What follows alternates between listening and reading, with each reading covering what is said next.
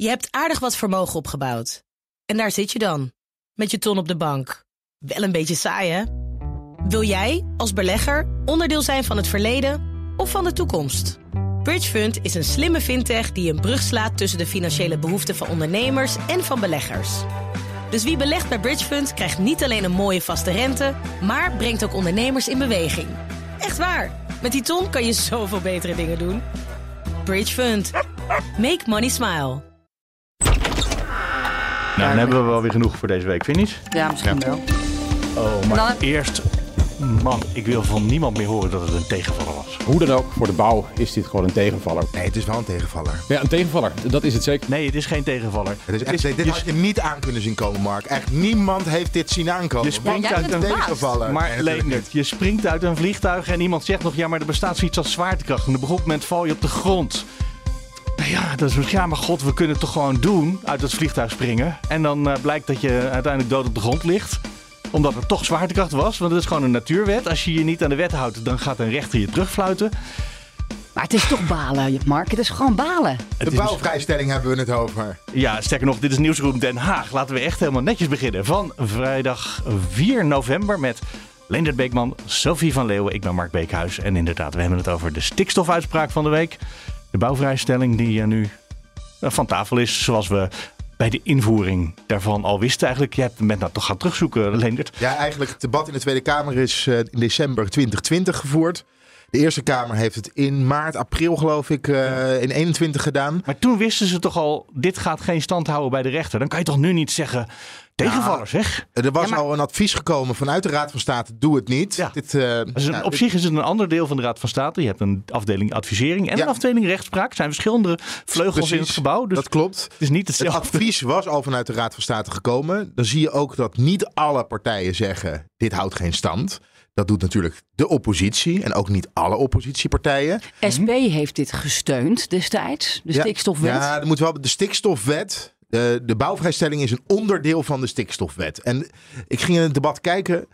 eh, Die bouwvrijstelling wordt wel genoemd, maar is niet de hoofdmoot van, van het debat geweest. Maar dan kijk je bijvoorbeeld naar Partij voor de Dieren. Nou, eh, ze hebben heel duidelijk gezegd: dit houdt gewoon geen stand. Ja, maar lukken. als jij dan verantwoordelijk bent voor Nederland of voor, voor de bouw, dan wil je toch gewoon bouwen. En dan verzin je gewoon een, een geitenpaadje, was het woord van de week. Nou ja, en dan We gaan je. het gewoon doen en dan kunnen we weer anderhalf jaar bouwen. Dat is toch juist ook wat je moet doen als bestuurder?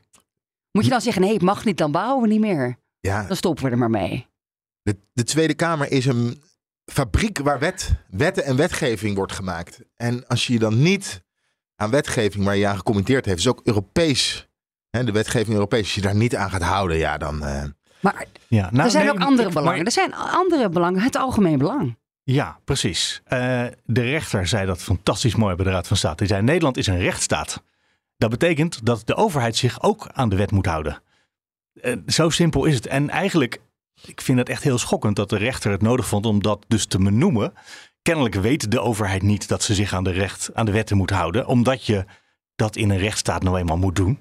Je mag ook de wet veranderen. Namelijk, dat is een van de weinige plekken in het land waar ze dat kunnen doen. Als ze zeggen, nee, maar deze wet bevalt ons niet, moet je er een andere wet van maken. Ja, nu hoorden we wel gisteravond in het stikstofdebat dat er een grote delegatie naar Brussel is getrokken om de wet of hè, de Europese richtlijnen anders te interpreteren of een beetje met souplesse. Vier ministers in een delegatie, dat is echt zwaar. Mogen we alsjeblieft bouwen en dan maar ietsjes minder natuur of vogelhabitat? Ja, dat, dat kopen ze niet meer. Dat is klaar, ze, voorbij. zijn, ze zijn teruggestuurd. Ja.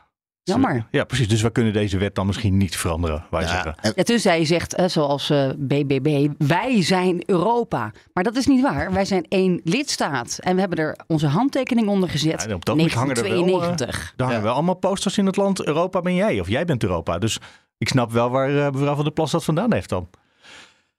Afijn. Ehm, er werd inderdaad gisteren gesproken over het rapport Remkes. Zal ik Eh, even ik mag een, daar eh, iets over zeggen. nou, vanaf, even. Nu, vanaf nu, alles wat ik in de podcast ga zeggen, is in lijn Met het rapport Remkes. Met het rapport Remkes. Dit zegt Remkes. We hebben het gewoon gehad over het rapport Remkes. Ik heb Remkes ge uh, geciteerd, alleen over het rapport Remkes. Over het rapport Remkes. Gewoon Remkes. Want Remkes. En laten we vooral dicht bij Remkes blijven. Dan zegt Remkes, dan zegt Remkes gewoon dan wat Remkes hier zegt. Over het rapport Remkes. Ja, voorzitter, soms denk ik wel, eens, nou, dan misschien Johan Remkes maar als minister moeten nemen. Dit was uh, Piet Adema, onze minister van Landbouw, die uh, dicht bij Johan Remkes wil blijven. Een dat beginnende minister is mijn analyse. Hoe was zijn eerste grote debat? Slecht. Ja, hij durft niet. Zo dicht mogelijk bij, bij het rapportje van Remkes blijven.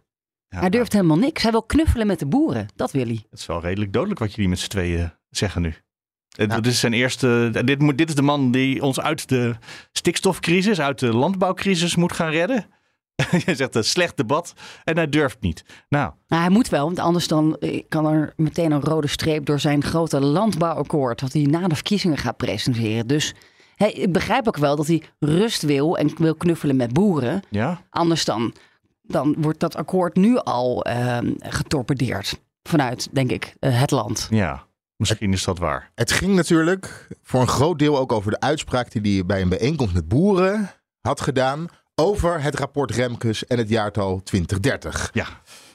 En dat, en was dat, dat is niet heilig. En, ja, nou ja, ja. Uh, als we op de goede weg zijn, moet je 2030 moet je niet zo aan vast blijven 32, houden. 32, 33, 33, 34 worden. 34. Volgens de ChristenUnie en Adema zelf helemaal in lijn met het rapport Remkes. Nou, uh, Remkes zegt dat inderdaad, maar zegt daarbij ook dat er wel zwaarwegende uh, niet politieke overwegingen moeten zijn, zijn om ja. dat te doen. En dan geeft hij er drie. Maar van de laatste, ja, die zou je dan in lijn kunnen noemen met wat Remkes heeft gezegd. Maar de eerste twee zijn, ja, als de natuur echt niet te herstellen is, of als de overheid in de weg zit, dat is de tweede. En dan de derde, ja, als, als herstel al zo ver is dat het onomkoopbaar is, dat de natuur zich gaat herstellen, dan hoef je ook niet meer. Uh, maar eigenlijk, wat, wat Jesse Klaver vroeg, ja, maar we moeten ook rekening houden, en dat deed Tjeerd de Groot ook, met het feit dat je moet gaan versnellen. Ja. En daar hoor ik u niet over. U sust eigenlijk de boeren met uw opmerking. En daar wilde die. Hij wilde daar niet in meegaan. En hij wilde ook helemaal geen antwoord geven. Alles, want ik heb nu alle quotejes geknipt waarin hij uh, naar Remkes verwijst. Trouwens, helemaal niet alle quotejes. In de eerste 20 minuten komt dat bijna 50 keer voorbij. Maar uh, uiteindelijk is het antwoord op elke vraag die inhoudelijk gesteld wordt. Er komt een landbouwakkoord. Ja, en op een gegeven moment. En daar moet u op wachten. Jesse Klaver zei, ik nu moet u stoppen. met u bespreken. Er nu, komt een We hebben namelijk gewoon wetten en daar heeft u zich aan te houden. En u, eh, u moet die wetten kennen. En ik vraag om de versnelling. Ik heb het nu niet over het rapport Remkes, maar we hebben twee eikmomenten. Eén daarvan staat al in de wet 2025. En bent u het met mij eens dat je moet gaan versnellen als er als niet genoeg gebeurd is? Gaat, ja. En we zitten al bijna in 2023, dus het zou heel goed kunnen dat je in 2025 tot die conclusie gaat komen. Uiteindelijk geeft hij dat wel toe met ja, een hulplijntje met naar een Van hulplijntje. Dus hij heeft of Remkes nodig, of hij moet echt geholpen worden door de stikstofminister. Maar de manier waarop hij het toegaf was door te zeggen dat komt dan in het landbouwakkoord. Nee, dit ging echt over. Ja, het dat heb ik hem niet horen zeggen. Dat ging, en dat was het tweede punt. Dat ging over perspectief. De boeren hebben perspectief nodig. De provincies hebben perspectief nodig. Want de provincies moeten uiteindelijk met de boeren gaan praten. En de afspraken gaan maken. Hè? Waar gaan we stikstof reduceren? Als je geen perspectief hebt, en een perspectief zou komen in die perspectiefbrief, Staghouwer lukte het niet en is, daar, is opgestapt. Is eigenlijk de reden waarom niet, hij weg moest. Ja, kan je niet het erf opstappen als provincie? En je kan niet tegen een boer zeggen, nou, we gaan, uh, wilt u uw veestapel halveren? Maar we hebben geen, weten niet wat dan het alternatief is verder voor u. Want dat perspectief, ja. daar wachten we dus mee totdat we een landbouwakkoord hebben in februari, maart. En dat gaan we met alle sectoren maken. En met iedereen die betrokken is bij dit dossier. Ja, en dat, dat, dat, duurt te lang. Dit is gewoon voor, voor, het voor je uitschuiven het probleem. Als we en dan komt er wel een brief, maar, maar er komt dus niks in te staan. Als we Staghouwer hadden gehouden, of als hij zelf was gebleven, dan had, had die brief er nu al wel gelegen. Nee, Want die had, die had hem beloofd al in het najaar. Ja, maar hij kwam er niet uit. ja, ja. Staghouwer had gezegd, er komt iets in volgend jaar, in april of zo, of in maart. Uh, en toen zei de Kamer in een motie: nee, we willen hem voor Prinsjesdag. En toen is hij snel nog even opgestapt, zodat hij het niet voor Prinsjesdag ja. hoefde te versturen. Dus ik denk dat Staghouwer er ook niet uitgekomen was. En dat we nu eigenlijk weer op de oude planning zitten die het ministerie zich had voorgenomen. We zijn terug bij af en dat is teleurstellend. En een, een tegenvaller, hè? Een, een tegenvaller. Echt, een, echt een tegenvaller. Ook dat hele communicatielijntje naar die boeren. Adema vindt ook helemaal niet dat hij daar een beginnersfout heeft gemaakt. Het is gewoon allemaal in lijn met Remkes. Was dat nou een beginnersfout in Drachten of niet? Eh, nee, want ik heb uitstekend de lijn van Remkes gevolgd. Dus eh, dat was geen beginnersfout. Ik heb goed naar Remkes geluisterd. De media, wij hebben het verkeerd begrepen. Ik heb keurig naar Remkes geluisterd en die lijn heb ik uitstekend gevolgd. Sorry, het wordt bijna grappig deze meneer. Ja, Nu op een gegeven moment werd Klaver aangevallen omdat hij gezegd had: het, is of, het zijn of koeien of huizen. En in het rapport Remkes eh, staat: woorden doen ertoe. Let op wat je zegt. Maar dat geldt natuurlijk ook voor de heer Adema. Zijn woorden doen er ook toe. Ja, want iedereen heeft het over perspectief voor de boeren. En dat snap ik. Maar er zijn ook mensen die in huizen willen wonen. En dat is eigenlijk ook een beetje perspectiefloos op Ja, het ogenblik. deze week maar nog heeft niet, niemand heeft het over de perspectiefloosheid van eh, mensen die geen huis hebben nog. Nou, dat ben ik niet helemaal met je eens, Mark. Want Nee? na de stikstofuitspraak, ik was bij de Raad van State. Ja? Eh, de- ik ging live in Breekt en, en er mogen mensen inbellen. En ze hopen eigenlijk bij LNV dat de stikstofuitspraak, ja, bij het Landbouw. ministerie van Landbouw, dat de stikstofuitspraak een gamechanger gaat zijn in de publieke opinie. En nou belden er veel oude mensen, dat moet ik er wel bij zeggen. Het is een hele kleine steekproef. Maar Mensen die al een huis hebben, bedoel je? mensen, nee, maar mensen die belden, zeiden: ja, het moet nou eens afgelopen zijn met de geitenpaadjes, met de overheid die zijn eigen regels niet nakomt. Er moeten huizen komen, onze kinderen moeten wonen. Het is onmogelijk om aan een huis te komen. En dat stikstofdossier, daar moeten ze mee aan de slag. En het leek, bij die uitzending in ieder geval, was het bij LNV op, eh, op hopen. Die gamechanger in de publieke opinie. Bij ons in de uitzending was die er in ieder geval wel. En je voelt hem ook, je hoort hem een beetje tussen de regels door bij minister Van der Wal. Die ook daarna nog een persmoment gaf met Hugo de Jonge. Eh, Dat, dat er toch misschien wel versneld moet worden nu. En eind deze maand komt ze met een brief. Ja, en dan gaat het over versnelling, want je moet piekbelasters moet je gaan uitkopen. En dan is het natuurlijk ook. Dat, dat zeg jij, dat zegt trouwens meneer Remkes ook. Maar dat zegt meneer Adema dan niet, want dat heeft de regering niet overgenomen. Alles behalve dit. Ja, dat klopt. Nou, je moet piek- piekbelasters aanpakken. Of je moet daar iets mee, laat ik het Maar zo niet zeggen. hè. verplicht uitkopen. Niet verplicht uitkopen. Misschien vrijwillig. Want de, ja, als je namelijk iets met die stikstofruimte voor pasmelders wil, op het moment dat je ze verplicht gaat uitkopen, Ja, en de kan je pasmelders daar waren de mensen mee. die een vergunning hadden moeten hebben, maar die door een fout van de overheid Ja. niet hebben gekregen uiteindelijk. Ja, en als jij als overheid tegen een boer zegt, jij mag niet meer boeren, en je gaat vervolgens de ruimte die je daarmee creëert aan een boer geven, ja, dan sta je juridisch zo zwak, dat kan gewoon niet. Nee. Dus als je stikstofruimte vrij, eh, je vrij wil maken voor pasmelders, dan moet dat op vrijwillige basis gebeuren. En dat gaat lastig worden. En dan was er deze week ook nog de, eh, de, de lijst met 100, 100 piekbelasters van het RIVM Ja, niet, goed bleek te kloppen. Nee, 45 eh, wa- waren verkeerd berekend. Dat moet je ook nog erbij zeggen. Want ik heb niet gehoord of, of ze dan ook... En het kan nog steeds zijn dat ze heel veel uitstoten. Verkeerd berekend omdat eigenlijk de emissies van de stallen... eh, elke stal heeft een bepaalde emissies. Ze hadden met verkeerde eh, emissies eh, gerekend. Ja. Eh, en nou, de, de lijst klopte niet. Dus het was echt een flater. En Van der Wal boos natuurlijk. Ja, en EVM door het stof, dat is dan Sorry gezegd. gebeurd, ja. Maar nu op weg. Maar nu op korte termijn. Eh, Van der Wal zei gisteren in het debat: Ik wil eigenlijk helemaal geen lijst maken met 500 tot 600 piekbelasters. Want het gaat om gezinnen. Eh, privacyregels hebben we ons aan te houden. Ik wil eigenlijk een soort kaders gaan stellen. En via die kaderstelling wil ik kijken waar gaan we dan uitkomen. Of waar gaan we dan aan de slag. Maar hoe kan je zonder zo'n lijst een offer you can't refuse doen? Want dat was de opdracht van Johan Remkes. Nou ja, je En moet daar willen we dichtbij blijven. Maar eventjes eh, natte vingerwerk. Je moet beginnen in de Gelderse Vallei. In Gelderland. En daar ga je naar de grootste uitstoters kijken. Want daar is het, het grootste Natura 2000 gebied waar het meeste te behalen is. Hè? Eh, dus je kan, als je, als je eerste richtlijn is, we gaan kijken. Oké, maar je, dan, dan ga je alsnog gewoon alle boerderijen in de Gelderse Vallei ga je één voor één aanbellen. Want je gaat geen lijst maken, dus dan moet je gewoon eh, op de fiets of zo. Maar Leonard, dat, leuk die Gelderse Verlei, maar Hugo de Jonge wil de meeste huizen bouwen in Zuid-Holland, op die zompige veengrond. Dus daar moet je ook, daar moet je ook Wat is wel er mis iets... met de zompige veegrond van Zuid-Holland? En dat bouwt sowieso niet zo lekker, dat zakt en zakt Ja, steeds veengrond is eh, een, een heel groot eh, deel. Maar dan, maar dan moet je dus daar ook wel flink wat gaan uitkopen. ja, in, want eh, daar willen we bouwen. En ook in Noord-Holland nog een beetje, maar daar heb je misschien minder boeren. Ja. Ja, het is echt het is enorm ingewikkeld. En de vraag is ook, gaat, dat, gaat het lukken binnen een jaar? Weer een nieuw dieptepunt deze week. Dus Elke Ja, week weer een nieuw de vraag die jij nu stelt, volgens mij kan je die meteen al beantwoorden. Als je ergens in februari, wat in maart zou kunnen worden, en eh, dit proces gaat nooit sneller dan je denkt, dus voor het april of mei. Als je ergens in mei pas met dat landbouwakkoord uh, aan komt zetten, hè, dat je met de boeren eruit bent, dan heb je niet voor 1 juni. Ja, maar zelfs als je, 1 juli. Als je het landbouwakkoord is natuurlijk ook gewoon een politiek spelletje. Hè?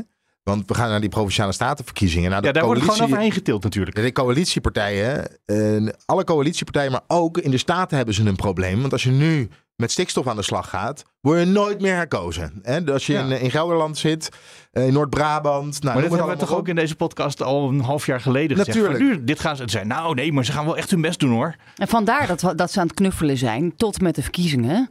Maar, daar, maar dan zouden ze dus mensen daar intrappen. Wanneer zijn de verkiezingen ook weer?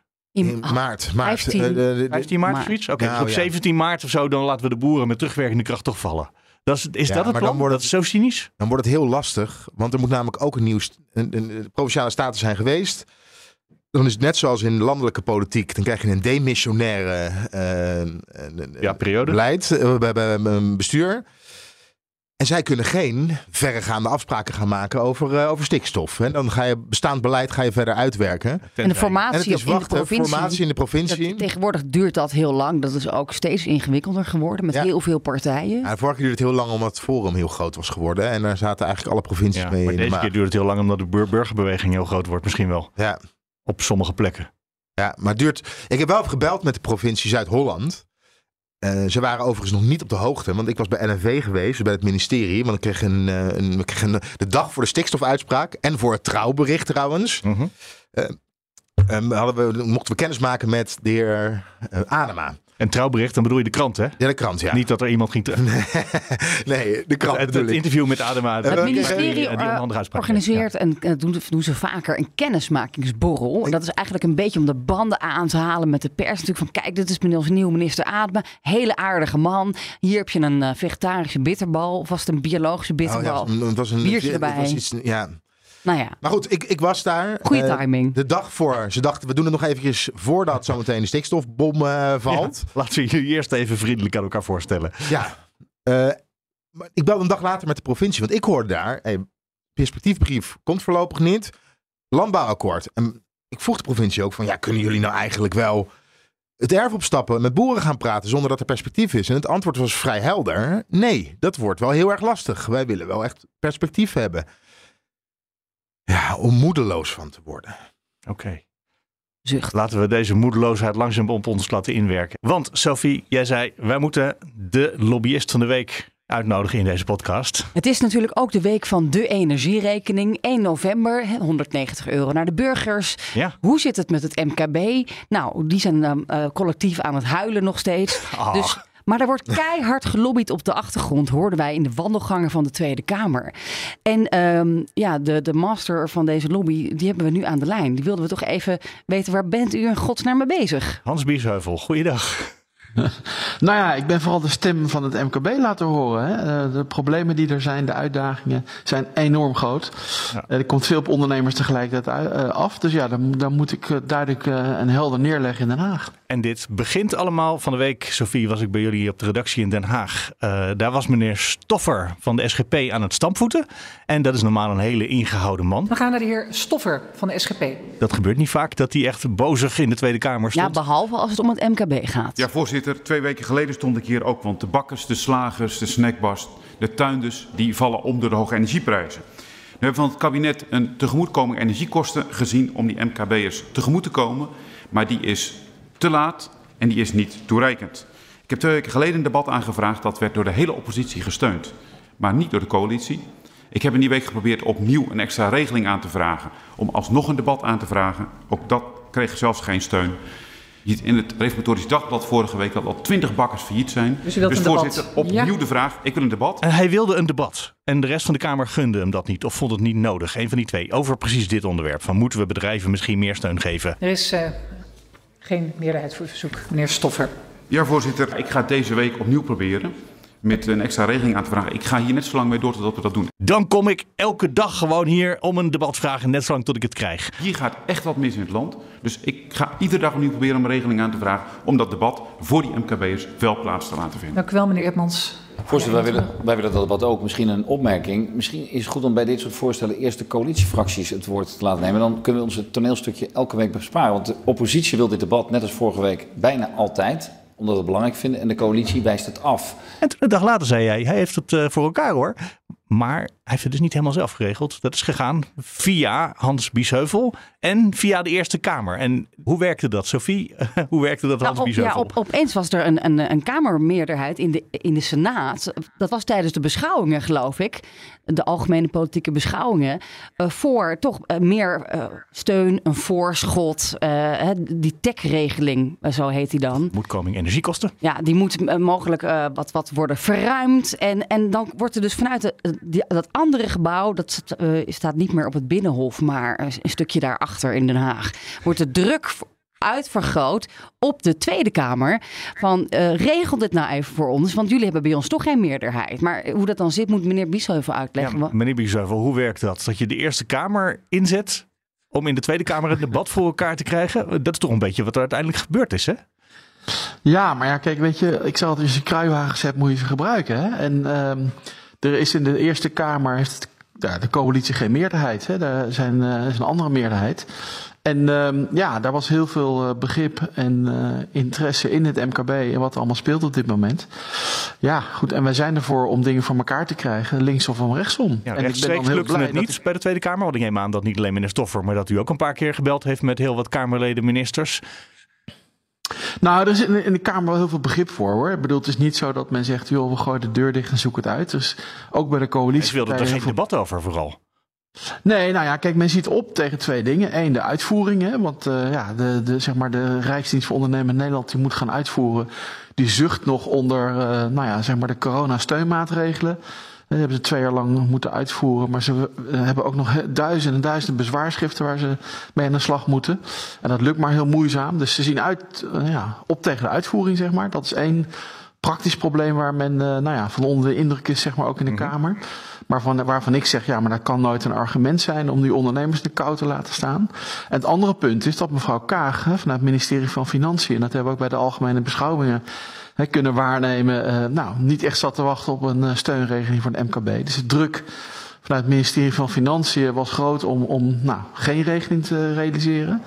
Uh, omdat mevrouw Kaag zei, ja, weet je, de, de, de regeling voor de huishoudens kost al zoveel miljarden we kunnen er niet nog een keer een miljarden tegenvallen bij hebben. Dus die twee redenen ja, hebben blijkbaar indruk gemaakt op de coalitiepartijen, maar gelukkig niet op de rest van de Kamer. Ja, maar hoe werkt dat dan? Want u belt zo'n ministerie, of u, nee, in dit geval ging het dus om Kamerfracties.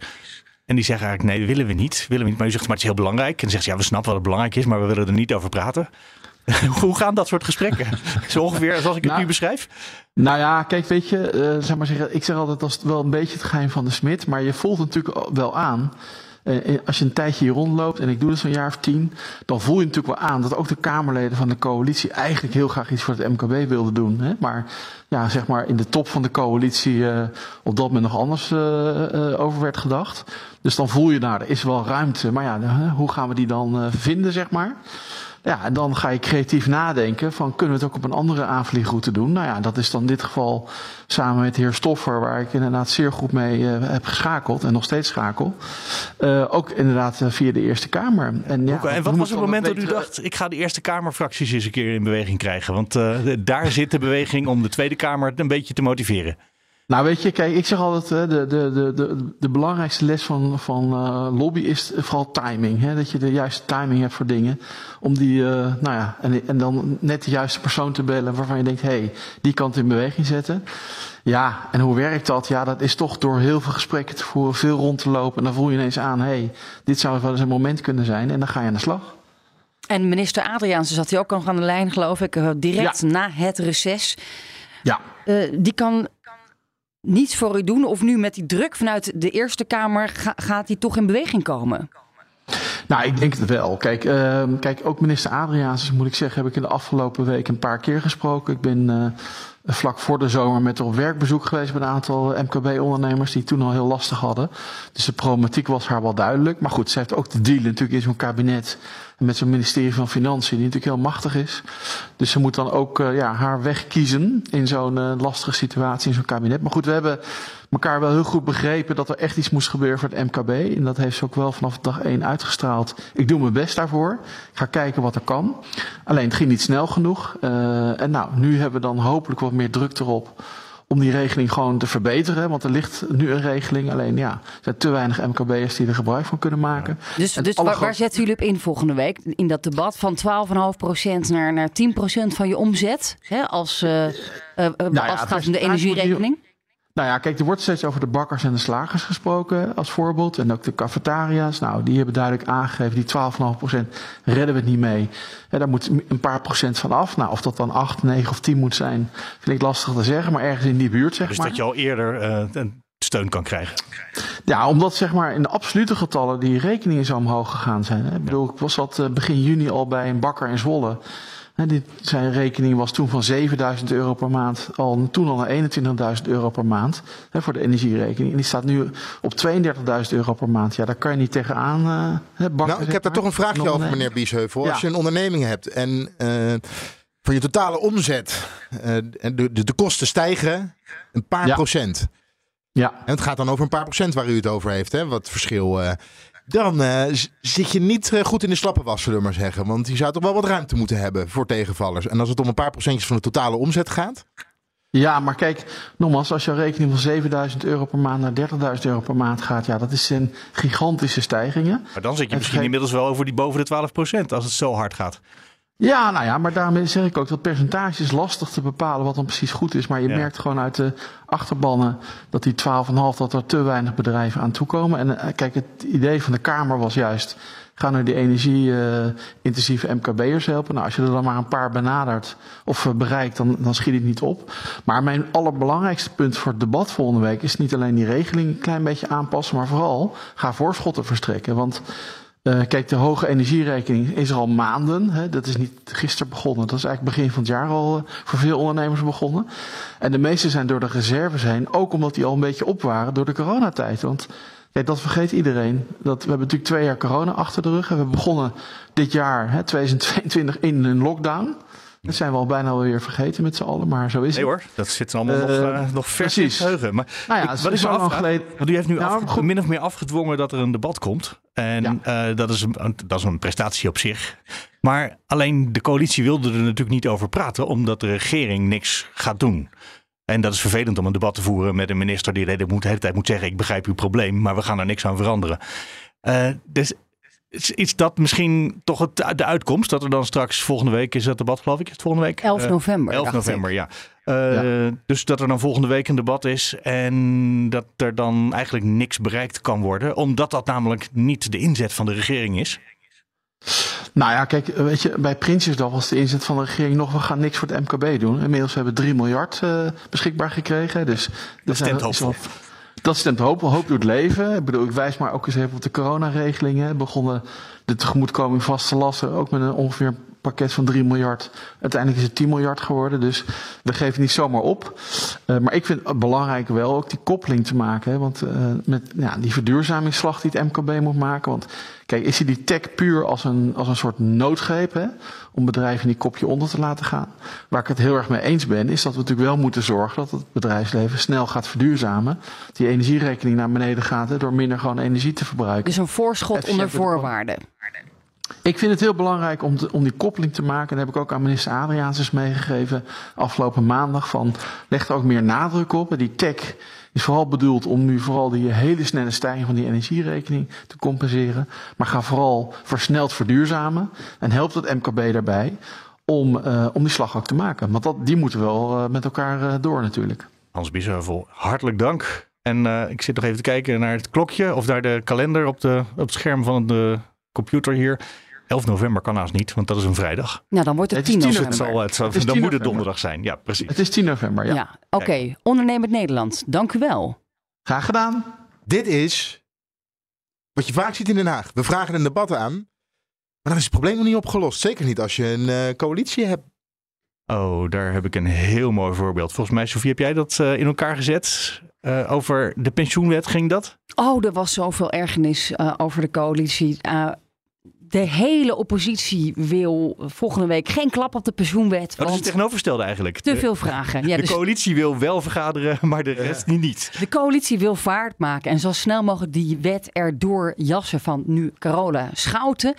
En ehm, eh, ja, dat leidde tot eh, ja, grote ergernis. Met name bij Pieter Omtzigt, die daar een, eh, soort van oratie van 90 minuten over hield in het parlement. Alsjeblieft niet volgende week, dat wordt een haastklus. Laten we onszelf niet overhaasten en gek maken. Is ook niet goed voor de inhoud en de kwaliteit. En ik snap ook niet die haast. Daar krijgen we later ontzettend veel spijt van. Dank u wel. Eh, er is een eh, meerderheid voor het verzoek om eh, het vervolg van het debat over de toekomstpensioenen volgende week in te plannen. Wilt u daar nog iets over zeggen? Dat is de conclusie op basis van eh, de input. Ja, voorzitter, de Ja. conclusie is helder. Er zijn 77 leden die dit willen. En er is niemand in de oppositie die dit steunt. Dank u wel. We Maar wat vindt ja. de coalitie nu Ja. van dat er niemand meer denkt dat we het zo moeten doen? Een jaar geleden hadden wij nog het heel vaak over de nieuwe bestuurscultuur. Tot iedereen dat woord zijn neus uitkwam. Maar in die tijd deed de regering of de regeringscoalitie nog wel zijn best om af en toe eens met de oppositie te praten en eh, rekening te houden met wensen daar. De is helemaal weg, hè? De sfeer is een beetje gespannen tussen de coalitie en de oppositie. Ze staan vaak lijnrecht tegenover elkaar. en dan de, heb je de coalitie gunt ook de oppositie geen. Je in dit geval dus de hele oppositie zegt: nee, dat moeten we nu niet doen, daar krijgen we spijt van. En we kennen Pieter Omtzigt als iemand die dat eh, vaak goed voorspelt. Maar dat wordt hem dan toch niet gegund, hem en de rest van de oppositie. Dat, dat is, dit- is weer terug bij af. Hè? De, de oude bestuurscultuur is echt gewoon helemaal weer terug. Ja, en het is ook politiek. En we zitten natuurlijk ook voor die verkiezingen, hadden we het net al over. En eh, daar- zit een enorme spanning op.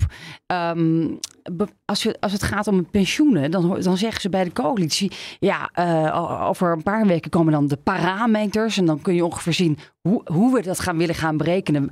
welk stukje van die collectieve pot naar jou als individu gaat. En vanaf dat moment, dan wordt het pas oorlog. Want dan valt iedereen eroverheen... en dan krijgen we niks meer voor elkaar. Dus dan kun je beter nu snel aftikken... En dan, hè, die verkiezingen zijn pas in maart. En dan Ja. hoeven we daar niet meer over te hebben. Ehm, en, en ja, daar is bij de oppositie heel veel boosheid over. Die zeggen, er zijn nog vragen over het gat voor de 40ers en de 50ers. Wat, wat gaat er met hun pensioen gebeuren? Eh, we hebben de inflatie. Het is ook een politiek spelletje. Eh, GroenLinks en PvdA gaan wel of niet, hebben toen getekend. Nu weer gedoe. De vakbonden zijn uiteindelijk wel een soort van hierin meegegaan Mhm. deze week. Dus er gloort dan toch nog een meerderheid in de Eerste Kamer. Maar het is een en al eh, ja, clash. En ehm, eh, de, coalitie eh, en de oppositie wordt niets meer gegund van beide kanten niet. En we pakken dit voorbeeld nu even bij, maar dit gebeurt steeds vaker op het ogenblik. Hè, met heel veel debatten die wel doorgaan omdat de coalitie het wil, of niet doorgaan omdat de coalitie het wil. Ja, je ziet dat er gewoon veel, ook binnen de coalitie, is spanning. Dat is dat wordt misschien wel- de reden dat de spanning Ja. binnen de coalitie zo groot is dat ze heel erg hecht bij elkaar moeten blijven staan? Ja, want eh waar je dus het niet- wel over eens bent, ja, nou, Ja. blijf bij elkaar staan. Want er zijn al genoeg onderwerpen waar je het niet over eens bent. Dan hebben we het bijvoorbeeld over stikstof en over het wel of niet uitkopen van boeren. De over wanneer de, de asielopvang- asielopvangcrisis. eh, dat is er ook eentje. Daar willen ze ook liever nu niet over debatteren. En er komt maar geen oplossing hè, voor die, die dwangwet voor gemeenten om asielzoekers op te vangen. En Maar dat betekent dus eigenlijk dat die sector ook gewoon een Hans Biesheuvel nodig heeft. En een hele goeie die dat via de Eerste Kamer of via een andere spannende route eh, voor elkaar krijgt dat de coalitie in de Tweede Kamer gedwongen wordt. Ja, de- de- ze klampen zich een beetje aan elkaar vast, hè, die Maar bij, regeringspartijen. precies bij deze moment. twee onderwerpen eh, is het niet zo'n probleem in de Eerste Kamer. Want hè, op het asielbeleid ja, krijgt de VVD genoeg partijen mee in de Eerste Kamer om eh, door te drukken wat ze zouden willen. Heel gevoelig dossier dus. En je ziet het nu ook bij de pensioenen. Eh, GroenLinks, Partij van de Arbeid mee. Onze vraag was natuurlijk bij het energieplafond. Is dit een uitruil geweest voor de pensioenwet? Eh, wordt echt aan alle kanten ontkend. In ieder geval vanuit GroenLinks en Partij van de Arbeid. Maar je ziet nu toch dat ze meegaan, ondanks bezwaren. Zij vinden het ook te snel gaan. Zij vragen zich ook af wat er gaat gebeuren met die 40ers en die 50ers. Eh, en ze willen dat er iets geregeld wordt voor mensen die geen pensioen opbouwen. Eh, Ja, de ZZP's, daar is ook al ja, toezegging op mensen, gedaan. ja, ook mensen die in vaste dienst zijn. Hè? Want niet, in- niet elke sector heeft een pensioen. Nee, pensioen dat klopt. geregeld. Dat, eh, Ja, er zijn bedrijven hebben dat 1,2 niet. miljoen mensen in Nederland waar nu, die, die- die nu geen pensioen opbouwen. Dat is natuurlijk gewoon heel veel. Daar hebben ze het geregeld, maar op heel veel andere onderwerpen. Ja, die zag gisteren ook tijdens dat stikstofdebat. Wij zaten op de publieke, publieke tribune. Eh, toen Adema onder druk kwam te staan. En ook de Groot zich er nog tegenaan ging bemoeien. Ja, van Ja, toen werd- 66. toen werd het heel onrustig in, bij de bankjes. Hè? Want dat is het mooie als je het vanaf de publieke tribune volgt. Het werd echt heel onrustig. En Boswijk maakte er eh, op een gegeven moment ook een opmerking eh, van het CDA een opmerking over. Hij zei iets in de trant van. Ik heb de grootste moeite om de haantjes in het hokje te houden. Of iets dergelijks. Ja, om, de Eh, krui- om de kikkers in de kruiwagen te ja, houden. er zit spanning. En er hoeft maar dit te gebeuren. Of het, ik zeg niet dat het kabinet, of het, de- de- het kabinet per direct valt. Maar er is spanning. Het is gewoon, de coalitie is verdeeld. Ja. Maar het mag niet klappen. Dit kabinet moet de shit oplossen. Dat is wel, denk ik, hè, wat, wat, wat ze uiteindelijk allemaal willen proberen te doen. Ja, en er Anders moet ook nog. Want het uit deze elkaar. week hebben we ook het belastingplan eh 2030 hebben we besproken. En een belang... niet hoor, zij. Zij hebben dat Jij besproken. bent een Maar een verslaggever. Jij doet verslag van wat zij doen.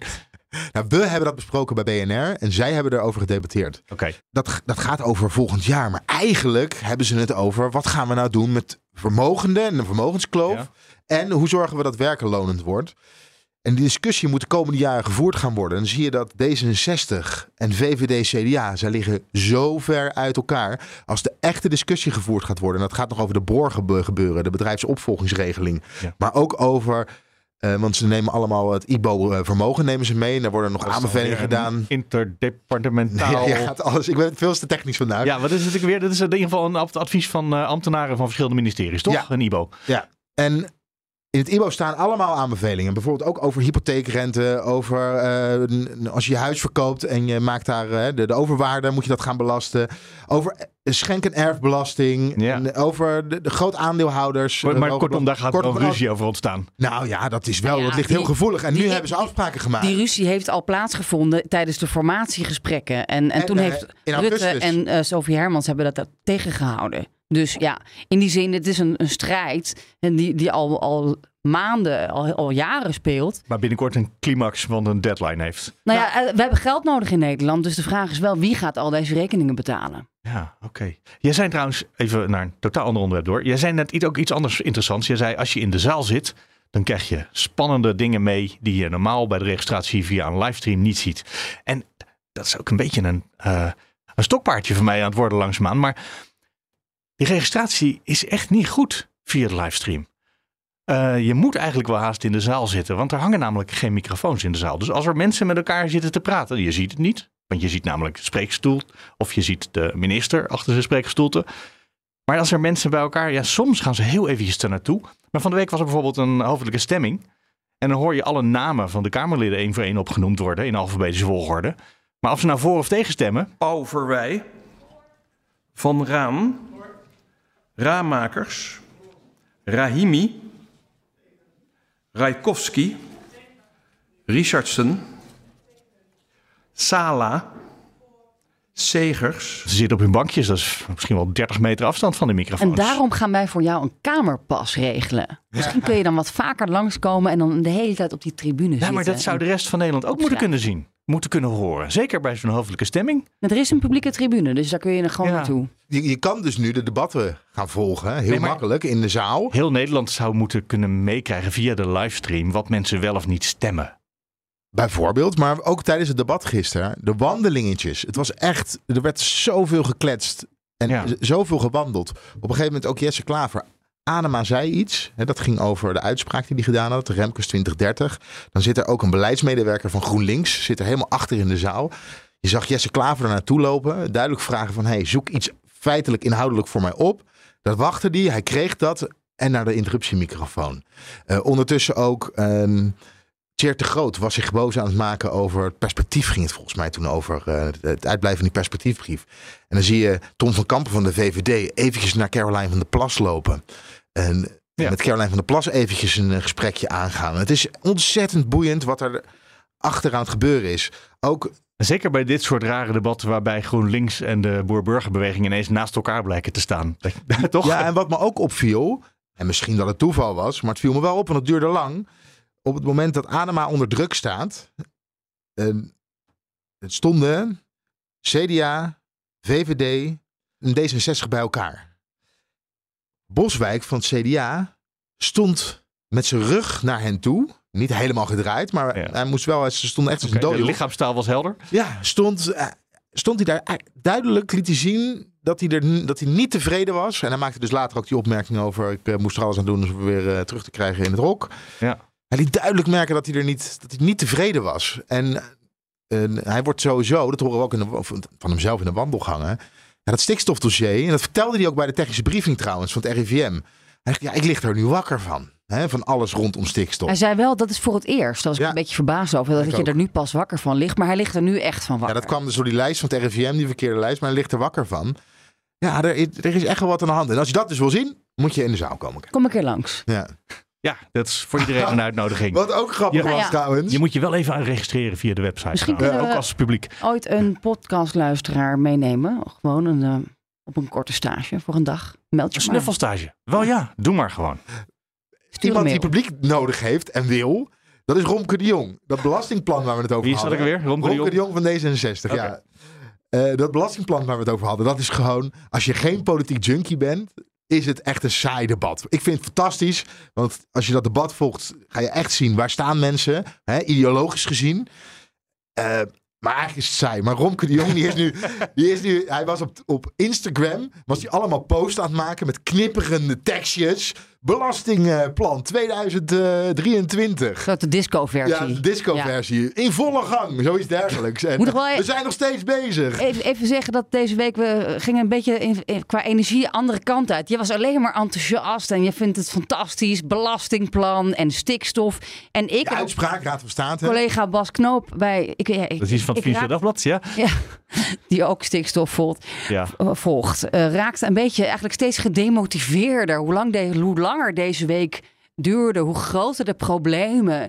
En ik dacht alleen Want maar... stikstof gaat niet weg. En, want, Ik zit hier nu vier jaar en Ja. het, het begon met stikstof, met de pasuitspraak. Ja. En we zijn terug bij af. Dus ik werd er compleet moedeloos van. En jij stond echt te stuiteren van...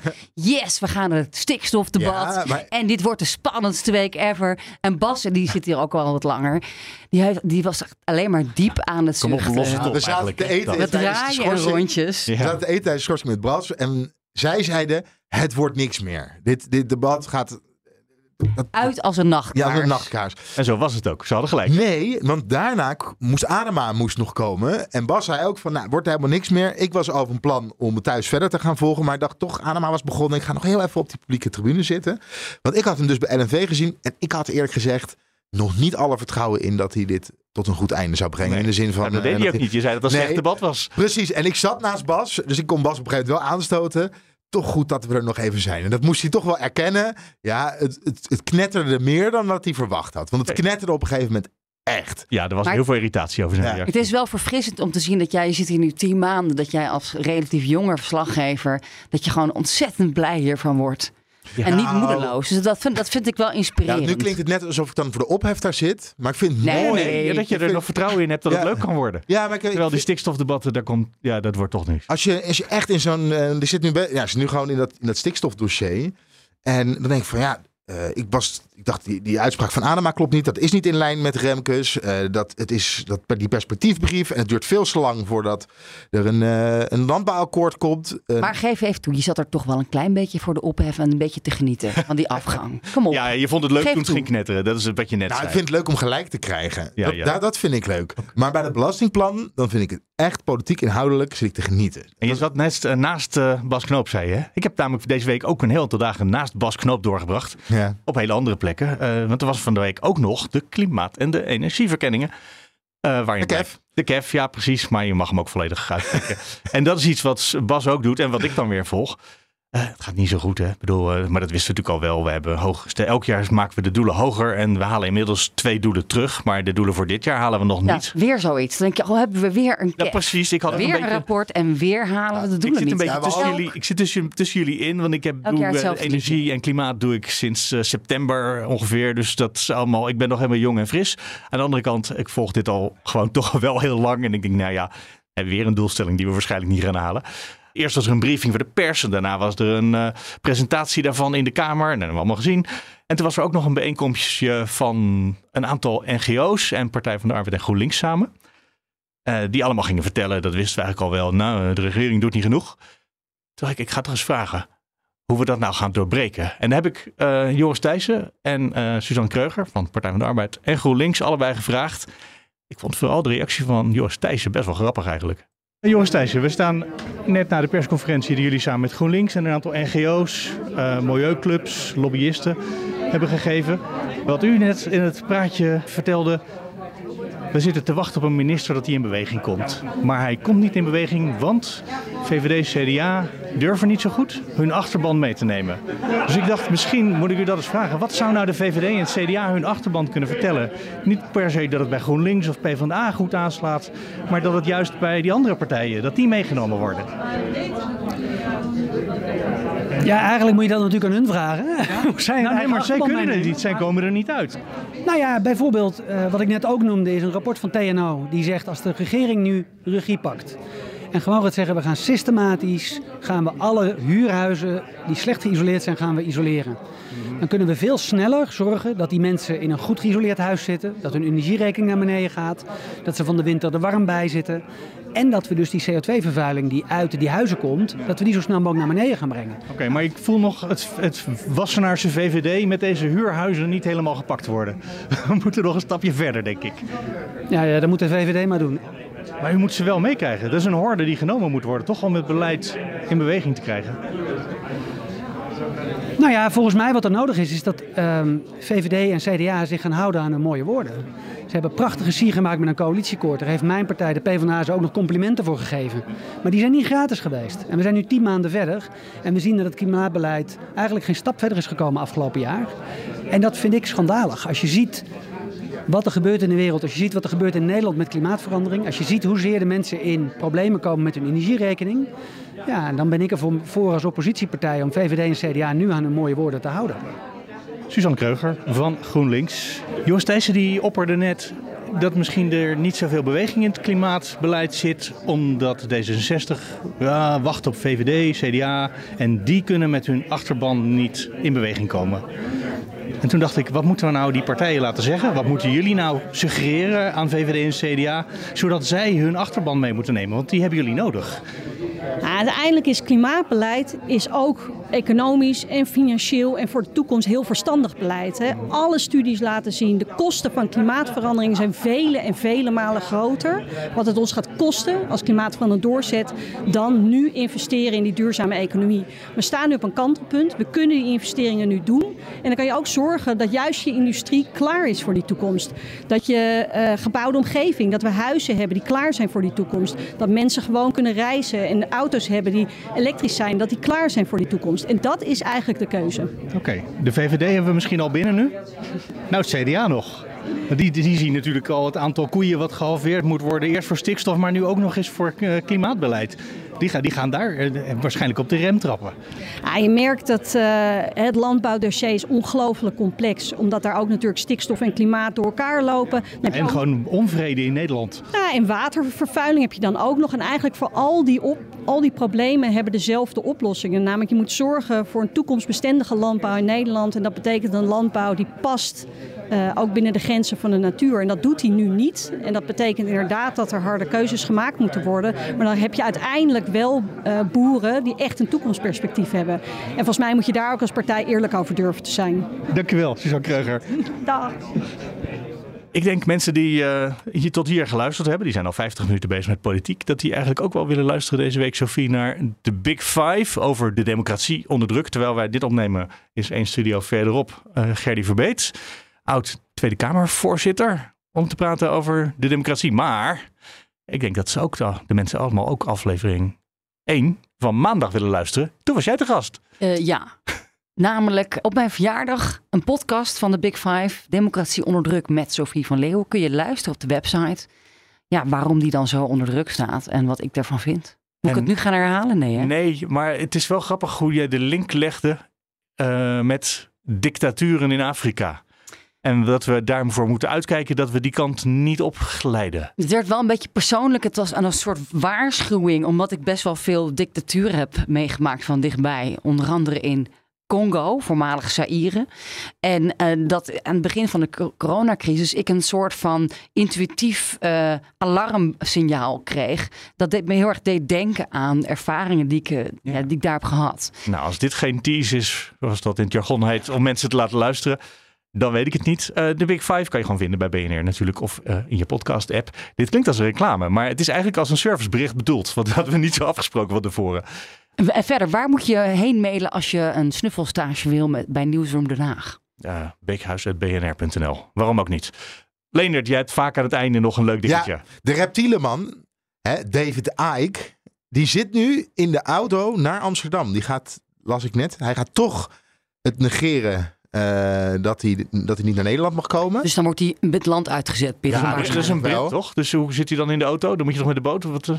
Uh, ik, ik, zag alleen een foto uh, dat, hij dat in Engel had dat getweet. Hij zit in een auto, hij had hij, op, had hij op zijn Instagram gezet op weg naar Amsterdam. Maar over reptielen gesproken, wat mij opvalt bij Forum voor Democratie, is dat ze graag met dieren in de weer gaan kennelijk. Eerst was het Cherry over reptielen. Ja. Onze collega van BNR Vara, Peter K., ja. die werd al een eend genoemd. Ja. En wij zijn allemaal rioolratten. Ja, en dan is er ook nog een complotmarmot. En een complotmarmot, ja. Om het compleet te maken. Kennelijk, kennelijk is er iets met dieren. Dus ik ben heel benieuwd wat het volgende dier is. Dat doet het goed op YouTube, hè? Kattenfilmpjes. Ja, misschien dat het iets met katten gaat worden. Dus de volgende keer word jij als in een poezenfilmpje Leender Beekman, ga je helemaal viral. Dan komen we aan het einde voor deze podcast. Voor vandaag, eh, vrijdag 4 november. Je hoorde Sophie van Leeuwen, Leendert Beekman, ik ben Mark Beekhuis. Volgende week zijn we er weer. Heel graag tot dan. Tot dan. Doei.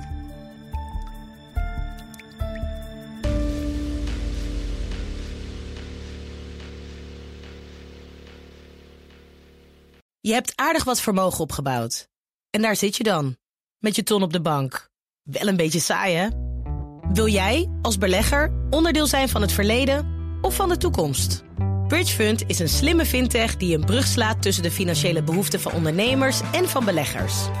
Dus wie belegt bij Bridgefund krijgt niet alleen een mooie vaste rente, maar brengt ook ondernemers in beweging.